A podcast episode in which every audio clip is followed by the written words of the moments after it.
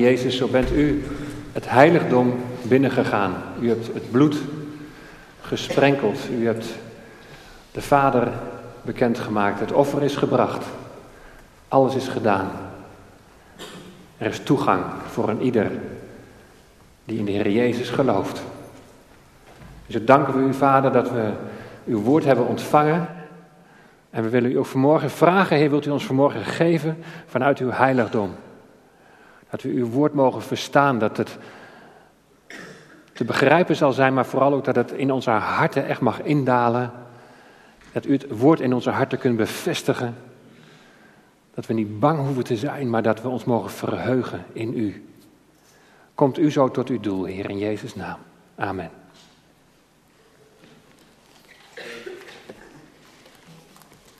We gaan samen lezen uit Lucas, Lucas 24, vanaf vers 36 tot en met 53. En ik lees het uit de nieuwe Bijbelvertaling. Lucas 24, vers 36 tot en met 53.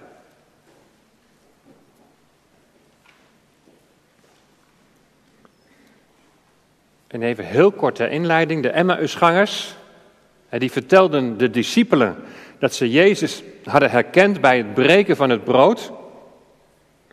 En zo spraken zij met de discipelen over het feit dat Jezus werkelijk is opgestaan. En als ze zo met elkaar in gesprek zijn, dus de discipelen samen met de Emmausgangers, dan lezen we vanaf vers 36 het volgende. Terwijl ze nog aan het vertellen waren, kwam Jezus zelf in hun midden staan en zei: Vrede zij met jullie. Verbijsterd en door angst overmand. In de herziene statenvertaling staat zeer bevreesd. Verbijsterd en door angst overmand, zeer bevreesd, meenden ze een geestverschijning te zien. Maar hij zei tegen hen: Waarom zijn jullie zo ontzet? En waarom zijn jullie ten prooi aan twijfel? Kijk naar mijn handen en voeten. Ik ben het zelf. Raak me aan en kijk goed. Ik ben het zelf. Raak me aan en kijk goed, want een geest heeft geen vlees en beenderen zoals jullie zien dat ik heb. En daarna toonde hij hun zijn handen en zijn voeten. Omdat ze het van vreugde nog niet konden geloven en stom verbaasd waren, vroeg hij hun: Hebben jullie hier iets te eten? En ze gaven hem een stuk geroosterde vis. Hij nam het aan en at het voor hun ogen op. En hij zei tegen hen: Toen ik nog bij jullie was, heb ik tegen jullie gezegd dat alles wat in de wet van Mozes, bij de profeten en in de psalmen over mij geschreven staat, in vervulling moest gaan. En daarop maakte hij hun verstand ontvankelijk voor het begrijpen van de schriften. En hij zei tegen hen: Er staat geschreven dat de Messias zal lijden en sterven, maar dat hij op de derde dag zal opstaan uit de dood. En dat in zijn naam alle volken opgeroepen zullen worden om tot inkeer te komen, opdat hun zonden worden vergeven. En jullie zullen hiervan getuigenis afleggen, te beginnen in Jeruzalem. Ik zal ervoor zorgen dat de belofte van mijn vader aan jullie wordt ingelost. Blijf in de stad tot jullie met kracht uit de hemel zijn bekleed. Hij nam hen mee de stad uit tot bij Betanië en daar hief hij zijn handen op en hij zegende hen. En terwijl hij hen zegende, ging hij van hen heen en werd opgenomen in de hemel. Ze brachten hem hulde en keerden in grote vreugde terug naar Jeruzalem, waar ze voortdurend in de tempel waren en God loofde. Tot zover. Van zeer bevreesd tot grote blijdschap. Jezus werd opgenomen in de hemel, hebben we gelezen in vers 51. Het was zijn triomftocht. Het was zijn zegentocht. En je mag zelf geen dingen in de tekst leggen, maar soms probeer je daar wel eens een voorstelling van te maken. Van hoe zal dat zijn geweest? De Heer Jezus die opvaart naar de hemel, die zegentocht, die triomftocht en hoe die aankomst in de hemel zal zijn. En dan zie ik voor me dat de Heer Jezus er aankomt en dat de engelen jubelen en juichen. Jubelen en juichen voor de Messias, voor de Zoon van God. Hij die thuiskomt. Dat de Heer Jezus tegen zijn vader kan zeggen: Het is volbracht. Het is helemaal klaar. It is finished. Het bloed is gesprengd. Ik heb het offer gebracht. En nu kunnen allen die u mij gegeven hebt, die kunnen gemeenschap met ons hebben. En die zullen mijn heerlijkheid bij u zullen ze zien. Wat een wonder van genade. Vader, de Satan en zijn trawanten zijn verslagen. En ieder die in mij gelooft is vrijgekocht, is verlost, is bevrijd, is gered. Hoe kan het nou dat de discipelen ineens geen moeite meer hebben met het heengaan van de Heer Jezus? Er staat bij zijn, bij zijn heengaan, dan aanbidden ze hem en dan is er zelfs sprake van grote blijdschap. Toen de Heer Jezus ineens in hun midden kwam en ze konden hem zien, toen waren ze zeer bevreesd, waren ze heel angstig. En nu gaat de Heer Jezus weg. En dan zou je denken, nou groot verdriet. Maar dan is er ineens sprake van grote blijdschap. Hoe is dat nou mogelijk? Voortdurend zijn ze in de tempel bijeen. En ze loven en ze danken God. Er is iets gebeurd. Er moet iets gebeurd zijn waardoor die emotiewisseling kwam. Van bevreesd zijn naar grote blijdschap. Nou, daar gaan we over nadenken. En we hebben vanmorgen gelezen over een van de verschijningen van de Heer Jezus aan zijn discipelen. Tussen hemelvaart, tussen bazen en hemelvaart. En uiteindelijk zijn opgenomen worden in de hemel. En het is een behoorlijke, hebben we net al gelezen, een behoorlijke heftige en een emotionele ontmoeting. De discipelen ontmoeten eerst twee mannen uit Emmaus. En die vertellen dat ze Jezus hebben ontmoet. Ze zeggen, hij brak het brood voor ons en onze ogen werden geopend. Ons hart was brandende in ons toen hij de schriften voor ons opende. Hun ogen waren gesloten, hun hart was gesloten. Maar dan komt Jezus langs zij. Hij die kwam uit het geopende graf hij komt ogen en harten komt hij openen en gaat dan vervolgens binnen in een geopende hemel. Jezus die wil dat wat gesloten is, wil hij openen. Jezus onderweg met de Emmausgangers. Wat doet Jezus? Hij opent de schriften. Wat gesloten is, gaat hij openen. En dan bedoel ik niet alleen dat hij de Bijbel, de Tenach, opent als een boek. Nee, als Jezus de schriften opent, dan opent hij daarmee ook harten en gedachten. Dan wordt het een levend woord. Dan is het niet een droge theorie, maar dan gaat het iets in je hart bewerken. Dan gaat er iets veranderen. Het woord wordt verlicht. En hij, laat zien wat allemaal op hem betrekking heeft. Het woord het woord van God toont de glorie van de Heer Jezus. Zoals dat bijvoorbeeld al gebeurde, uiterlijk hè, in, bij de verheerlijking op de berg. Het woord toont de glorie van de Heer Jezus, die vanaf de Olijfberg is opgevaren naar de Vader. En die het verlangen uitspreekt dat zij die hem gegeven zijn, zijn heerlijkheid bij de Vader zullen zien.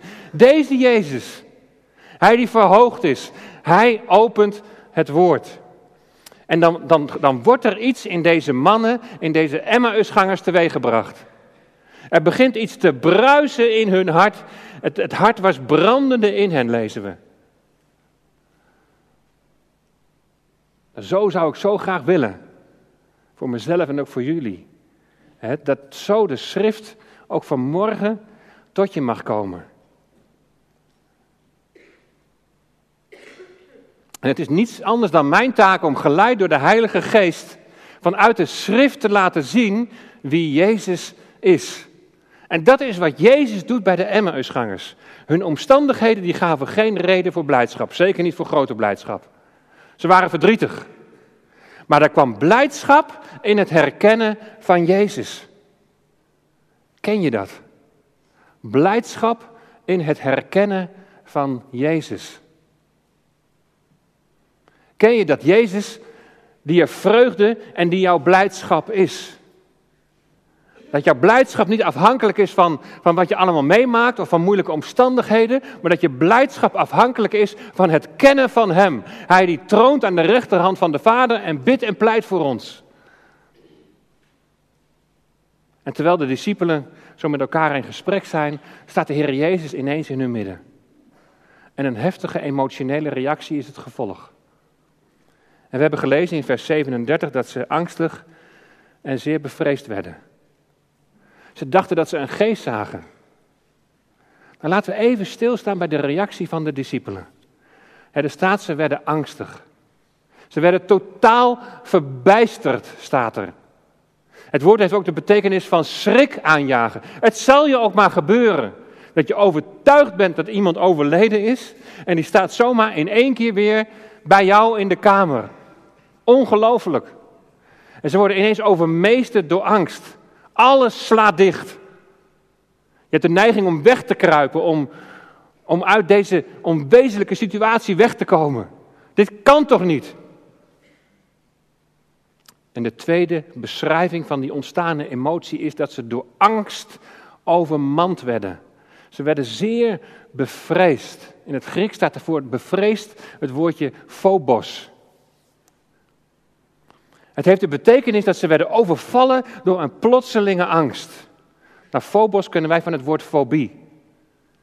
Van een fobie, daar is sprake als je ineens om heel onduidelijke redenen ineens een overmatige angst ontwikkelt. Een angst die helemaal niet reëel is. Een angst die helemaal niet in relatie staat tot datgene waar je bang voor bent. Het is iets wat je in de greep heeft. Het is iets wat in je hoofd zit. En als je, als je worstelt met een fobie, allereerst, je bent dan niet de enige. Want ik heb een onderzoek gelezen, daarin staat dat één op de vijf mensen daar problemen mee heeft. Eén op de vijf mensen. Die problemen hebben met een overmatige angst voor iets wat niet een reële angst is. Maar als je, als je worstelt met zoiets, dan, dan ga je een vermijdingsgedrag vertonen. En je probeert datgene wat angst kan opwekken, dat probeer je juist uit de weg te gaan. Je probeert het zo, zo, zoveel mogelijk te mijden. Als je, als je in de greep wordt gehouden door angst, dan heb je ook maar een hele beperkte mate van, van geluk of van plezier in je leven. Dat beleef je nauwelijks meer. En de discipelen zijn angstig en zeer bevreesd. Maar er valt weinig te vermijden, want Jezus staat zo ineens in hun midden. De discipelen van Jezus zijn angstig, want ze denken dat ze een geest zien. Ze denken dat het een geestverschijning is. Dus er gaat iets om in hun gedachten. Nou, in een pastorale opleiding heb ik een keer geleerd om een gesprek te analyseren aan de hand van vier G's. En de eerste is de gebeurtenis. Wat heeft iemand nou echt te vertellen? Wat is er daadwerkelijk gebeurd? Wat is de situatie? Goed luisteren dus is een pastoraat zo belangrijk om goed te luisteren. Wat is er daadwerkelijk gebeurd, de gebeurtenis? En de tweede G is de G van de gedachten. En mensen poneren heel vaak allerlei gedachten over iets. En dan is het zo goed om door te vragen van, hé, hey, jij denkt dat het zo is, maar is dat ook daadwerkelijk zo? Of is dat meer een idee wat je in jezelf ontwikkeld hebt? Is die gedachte echt waarheid? De derde is, welke gevoelsreactie zie je? En de vierde is, welk gedrag zie je? En dan merk je dat, dat je gedachten bepalen heel sterk je gedrag. Wat jij denkt bepaalt heel sterk hoe jij je gedraagt. Dus een van die vier G's is de G van gedachten. Hé, hey, je ziet dit. Je ziet dit zo, maar dit is een gedachte van je. En je denkt dat het zo is, maar, maar klopt het wel echt zo? En wat kun je als een mens gedachten hebben? Hoe snel vul je al niet in wat volgens jou die ander denkt, of misschien wel van jou denkt? En de discipelen denken dat het een geest is. Nou, dan gaan we even in pastoraal gesprek met de discipelen. En dan zeggen we tegen ze: Oké, je denkt dat je een geest ziet, maar is dat ook echt zo? Klopt jouw gedachte? En dan is het heel interessant om te zien hoe de Heer Jezus nou met deze situatie omgaat. En misschien ben je hier vanmorgen wel en herken je iets van die angst waar je niet echt vrij van bent. Je staat er niet alleen in, heb ik al gezegd. Eén op de vijf mensen heeft hier gewoon problemen mee. Wat een strijd kan dat met zich meebrengen. Het verlamt je gewoon, het zet je gewoon helemaal vast op slot. En Jezus die wil, dat hebben we aan het begin gezegd, Jezus wil zo graag datgene wat gesloten is, wil Hij openen. Hij die troont aan de rechterhand van de Vader wil zo graag datgene wat gesloten is bij jou, wil Hij openen. Onderschat bijvoorbeeld ook niet hoeveel mensen er zijn die bijvoorbeeld deze angst kennen ten opzichte van de Heere God. Een overmatige angst die een relatie met Hem in de weg staat. Een overmatige angst, zodat je niet in staat bent om van Hem te ontvangen. We hebben net gezongen, ik heb het even opgeschreven in dat allereerste lied. We zongen het eerst in het Engels en daarna ook nog in het Nederlands. En daar staat: Kom en zie, ontvang. Maar als je overstelpt wordt door angst, of een angstbeeld hebt van God, hoe kun je dan ontvangen? Een overmatige angst, zodat je niet in staat bent om van Hem te ontvangen. En ik kan je zeggen, dan sta je daar ook niet alleen in. Ook niet in deze gemeente. Want regelmatig gaan de gesprekken over dit soort dingen. En voor jou is Hij dan ook niet allereerst de gevende. De gevende God, maar de, de vragende en de eisende God. Je hebt in je gedachten een eisende en een straffende God gecreëerd. En wat gebeurt er? Vermijdingsgedrag. Je gaat hem uit de weg. Ja, tuurlijk, de Bijbel spreekt over de vrezen des Heren. Maar dan moet je vrees niet invullen als angst. Maar vrees betekent dat je ontzag voor hem hebt. Hij, de Heilige, de Almachtige. Je hebt eerbied en ontzag voor hem. Maar in dat besef van wie hij is, de Heilige en de Almachtige God. En dat je ontzag voor hem hebt, is het wonder van genade dat God naar je toegekomen is alleen nog maar groter.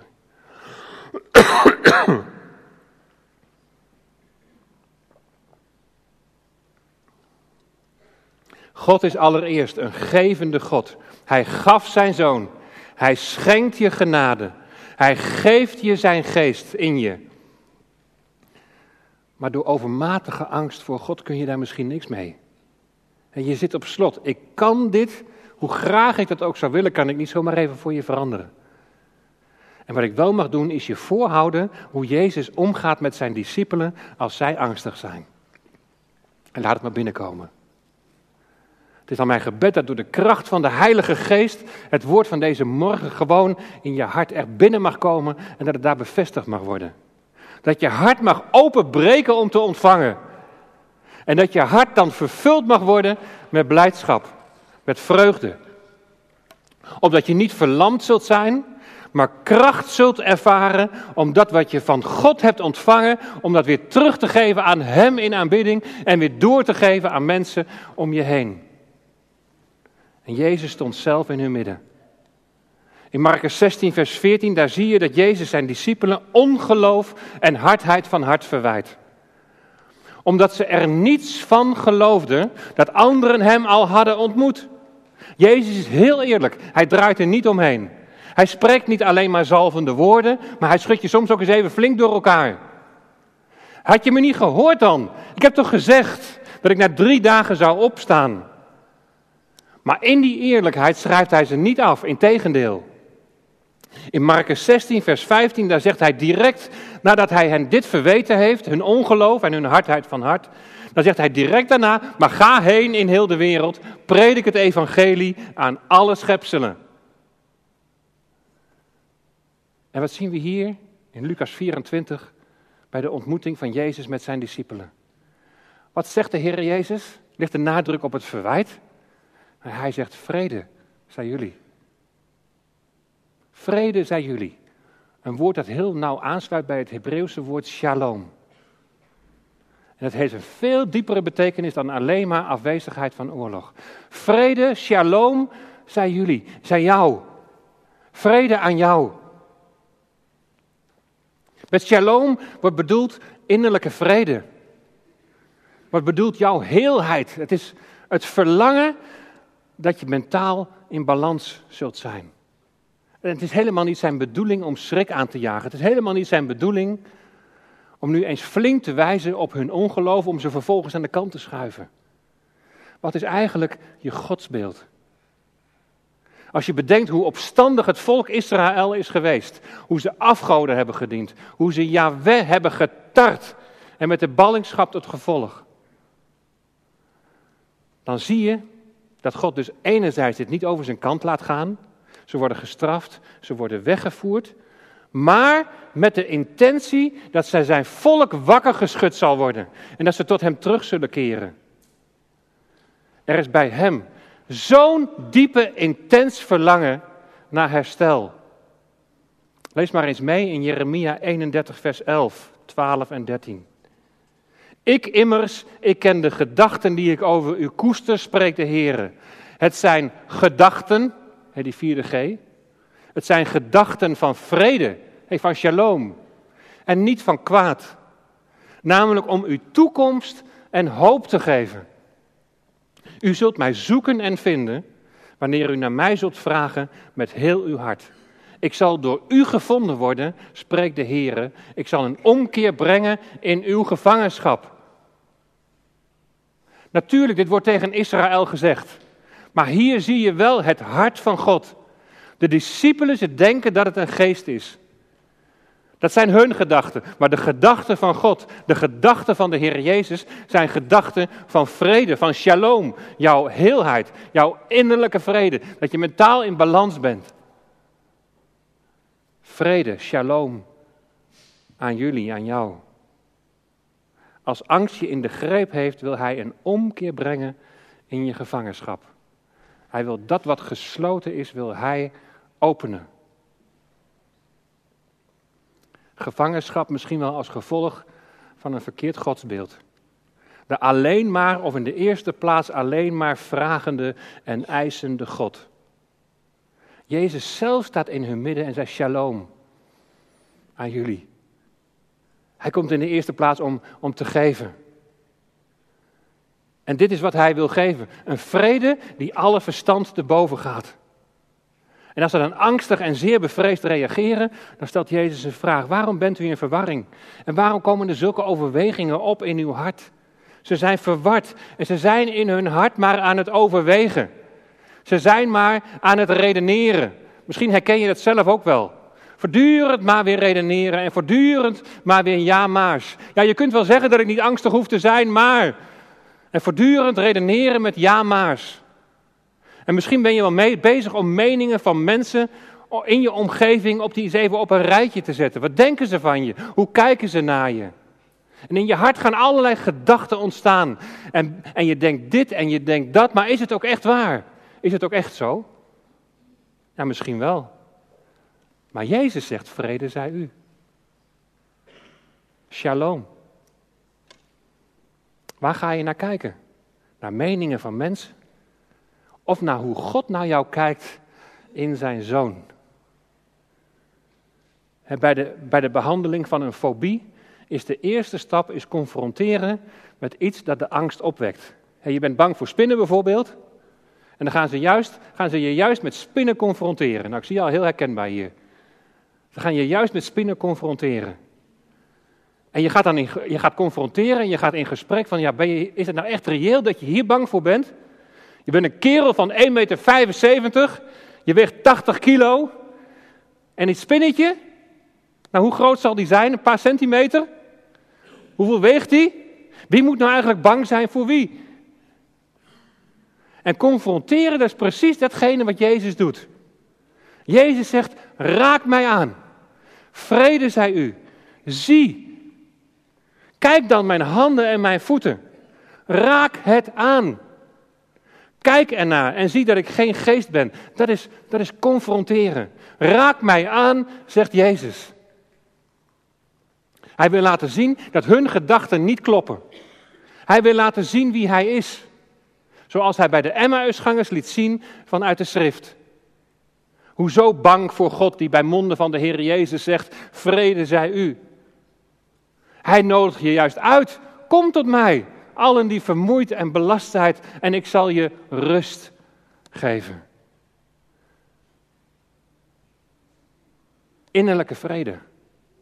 Shalom. Hij wil jouw grote blijdschap zijn. Het is zijn verlangen dat hij groter wordt voor jou en dat je gaat groeien in het diepe kennen van hem. Opdat hij groter zal zijn dan jouw angst. Dat is het principe van die rat in de cockpit. Dat Jezus groter zal zijn dan jouw angst. Want hoe dichter je bij hem komt, valt die rat flauw. En kan hij niks meer doen. Ga eerst zien en geloven dat God de gevende God is. Hij wil je zijn vrede geven. Hij wil je zijn genade schenken. Vergeving van zonde door het offer van de Heer Jezus. We hebben het gelezen. Hij wil geven en jij mag ontvangen. En Jezus toont aan zijn discipelen dat hij realiteit is. Hij rekent helemaal af met hun verkeerde gedachten door iets te eten zodat ze kunnen zien dat hij geen geest is. En zo wil hij ook afrekenen met jouw verkeerde gedachten. Jouw verkeerde gedachten over God de Vader. Hij is allereerst een gevende God en jij mag ontvangen. Hij geeft eerst en dan vraagt hij. Wat hij van je vraagt, heeft hij je eerst gegeven. Nogmaals, speel het niet tegen elkaar uit. Hij is niet alleen maar de vragende God, of de, gevende God, maar hij is ook daarna, zet in de juiste volgorde, daarna de vragende God. En ik vermoed zo dat jullie daar komende zondag meer over gaan horen, wat nou eigenlijk het doel van genade is. Als je hebt ontvangen, wat dat dan voor bedoeling heeft. Datgene wat je ontvangen hebt. Hij geeft eerst en dan vraagt hij. Hoe kun je iets aan hem teruggeven of aan anderen doorgeven als je niet eerst zelf hebt ontvangen? Zijn gedachten van vrede over jou zijn aan jou gegeven. Laat dat binnenkomen in je hart. Zijn shalom, zijn vrede is voor jou. Zijn liefde in jouw hart uitgestort. Liefde aan jou gegeven. En die liefde die is cruciaal. In 1 Johannes 4, vers 18, daar staat: Er is in de liefde geen vrees, maar de volmaakte liefde drijft de vrees uit. En denken mensen misschien alweer van: Ja, zie die volmaakte liefde, maar die heb ik niet. Nee, het gaat niet om jouw volmaakte liefde. Het gaat om zijn volmaakte liefde voor jou. Hij komt eerst. Hij geeft. Zet het in de juiste volgorde, zoals in 1 Johannes 4, vers 19. Wij hebben lief, omdat Hij ons eerst heeft lief gehad. Sta open om te ontvangen, want zo wil Hij groter voor jou worden dan welke angst ook. En Hij wil je bevrijden uit je gevangenis. Raak mij aan, zegt Jezus. Hij zegt niet blijf op afstand. Nee, hij zegt kom, kom maar. Raak mij maar aan. Kom tot mij, allen die vermoeid en belast zijn, en ik zal je rust geven. Dat is het eerste, komen tot Hem. Het allereerste wat we met elkaar hebben gezongen. Komen zoals je bent. Openstaan om van Hem te ontvangen. En weet je, het is voor een mens zo moeilijk om uit genade te leven. En te ontvangen. Het is haast te mooi om waar te zijn. En we vinden toch vaak dat we er toch wel iets aan moeten doen. En krampachtig houden we de touwtjes in handen. Want stel je voor, wat gebeurt er als je loslaat? Wat gebeurt er als je loslaat? Het kan zelfs zo zijn dat je op een gegeven moment je angst of je vrees voor iets, dat je het zelfs gaat koesteren. En wat gebeurt er als je het loslaat? Dat is eng. Wanneer landt het nou bij de discipelen dat het werkelijk om Jezus gaat? Als Jezus het woord gaat uitleggen. Hij laat zien hoe alles vervuld moest worden wat over hem geschreven staat in de wet van Mozes, in de profeten en in de psalmen. Nu is het zo dat sommige teksten uit de Bijbel, die kun je misschien wel honderd keer lezen, maar dat het toch niet binnenkomt. En Jezus die had zijn discipelen al voor de kruisiging precies uitgelegd wat er zou gaan gebeuren. Dat hij op de derde dag zou opstaan. Het was niet binnengekomen. Ze hadden het op een of andere manier niet begrepen. Het was op de een of andere manier niet, niet echt binnengedrongen. En zo kan het ook zijn als je de Bijbel leest. Maar totdat Jezus hun verstand opent. Wat heb je dus nodig? Dat net als bij de discipelen, de Heer Jezus je verstand opent om de schriften te begrijpen. Dat betekent niet dat je dan elk moeilijk Bijbelvers moet, moet, moet, moet begrijpen, maar dat je wel die rode draad in de Bijbel gaat ontdekken. En dat is dat het in Gods reddingsplan om Jezus gaat. En dat Hij eerst komt. We zijn door geloof in Hem meegegaan in Zijn dood en opstanding. We zijn in Hem meegegaan in Zijn hemelvaart. En we hebben nu, lees de Efezebrief er maar over na, nu al een plekje in de hemelse gewesten in Christus. We zijn aan Zijn voeten en we zijn met Hem verweven. Er is harmonie, en straks zal er volkomen harmonie zijn tussen schepper en schepping. Alles zal in Christus worden hersteld. Hij die troont aan de rechterhand van de Vader. We zijn in Hem, één met Hem. En Hij bidt en Hij pleit voor ons. Waarvoor zouden we nog bang zijn? Raak mij aan, zegt Jezus, en zie. dat, je, dat je door de kracht van de Heilige Geest Jezus op waarde zult schatten. En dat Hij groter voor je zal zijn, of groter voor je zal worden, dan welke angst ook. Ook in het heengaan om het evangelie te prediken, zie je dat het nodig is dat de discipelen van Jezus eerst ontvangen. Ik zend, zegt Jezus, en zie weer dat geven. Ik zend de belofte van mijn Vader op u. Maar blijft u in de stad Jeruzalem, totdat u met kracht uit de hoogte bekleed zult worden. En toen dit allemaal binnengekomen was, konden ze het aan dat Jezus hen verliet. Ze waren zelfs vervuld met grote blijdschap. Ze zijn geraakt door Jezus toen hij liet zien wat hij heeft gedaan. En dat dit allemaal al vast lag in Gods plan. En, en vervolgens laat hij ons vooruitkijken, wetende dat ze ook in de toekomst niet alleen zullen gaan, maar dat Gods geest, de geest van Christus, dat die in hen zal zijn. Jezus werd opgenomen in de hemel en het was zijn triomftocht. Jezus, de Messias, komt thuis en neemt plaats aan de rechterhand van de Vader. Hij is eens en voor altijd binnengegaan in het heiligdom en heeft daar een eeuwige verlossing teweeggebracht. Verlossing en bevrijding heeft Jezus teweeggebracht door zijn bloed, door het offer dat hij heeft gebracht.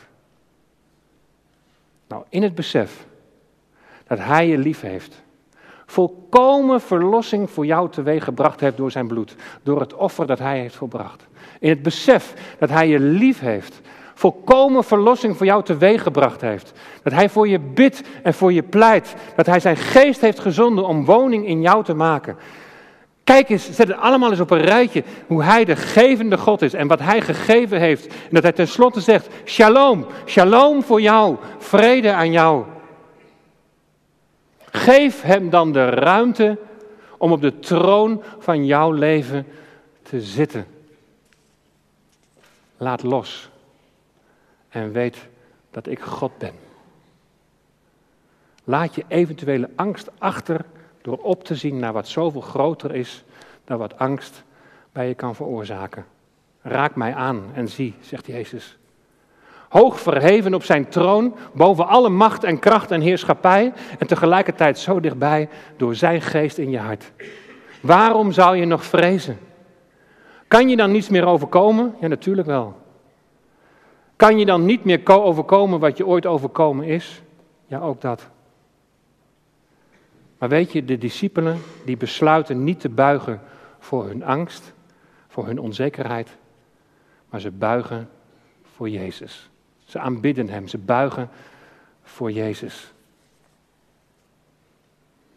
Als je in aanbidding al neerbuigend, al die zegeningen en alles wat God tot je gegeven heeft, als je dat je door laat dringen, dan is Hij toch groter dan, dan welke angst ook. En ga je straks, dat bid ik voor je, dat je naar huis zult gaan met grote blijdschap.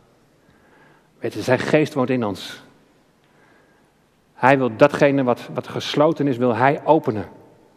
Hij wil dat we openbreken om, om te ontvangen. Te ontvangen van God zelf door zijn geest. Wat die blijdschap nog versterkte en ook zorgde dat die blijdschap niet zomaar verdween, dat is het voortdurend in de tempel zijn terwijl ze God loofden en dankten. En je medegelovigen ontmoeten, elkaar bemoedigen en samen God loven en danken. Zo overwin je het kwade door het goede. Samen opzien naar Jezus die troont in de hemel, die door zijn geest wil tronen in je hart. Vestig je aandacht op Hem en vestig niet je aandacht, je gedachten op je angst. Laten we met volharding de wedloop lopen die voor ons ligt. Terwijl wij het oog gericht houden op Jezus. Het oog gericht houden op Jezus, niet op de omstandigheden, niet op de angst. We houden ons oog gericht op Jezus, de leidsman en voleinde van het geloof. Hij heeft om de vreugde welke voor hem lag, die hem in het vooruitzicht gesteld was, heeft hij het kruis verdragen en de schande veracht. En hij zit nu aan de rechterhand van de troon van God. Groei in het kennen van Hem. Dat Hij jouw vreugde en jouw blijdschap zal zijn. En als je toch nog gevangen zit in angst of andere dingen, dan is God een God van herstel. Dan wil Hij in Jezus jou bevrijden door de kracht van zijn Heilige Geest. En dan hebben we ook soms elkaar nodig om in die omstandigheden voor elkaar te bidden. Om elkaar ook echt voor de troon van God te brengen en dat te doorbreken wat een leugen is. De Satan is de vader van de leugen. En als jij angst hebt voor iets wat niet reëel is, kijk als er een leeuw op je afkomt, dan is het heel goed dat je angstig wordt en dan komt er een adrenaline en dan, dan ga je wegrennen en dan kun je veel meer dan je had gedacht. Dus een bepaalde manier van angst is goed. Maar als er een irreële angst is, dan is dat een leugen. Een leugen van de Satan die, die, die verbroken moet worden in de naam van Jezus. Groei in het kennen van Hem, dat Hij je vreugde en je blijdschap zal zijn. De koning in zijn pracht, bekleed met eer en macht. Dat gaan we zingen. Kom aarde, juich voor Hem. Het duister vreest zijn licht. Angst, duisternis. De duisternis probeert je daarin vast te zetten. Je vast te leggen. Het duister vreest zijn licht. Als hij rechtvaardig richt en dan vlucht het voor zijn stem. Dat alles wat je van God uit afhoudt, dat het mag vluchten in de naam van Jezus. Door zijn bloed de kracht van de Heilige Geest. Maak groot onze God. Hij wordt groter als wij buigen. Buigen voor Jezus. Hij groter dan jouw grootste angst.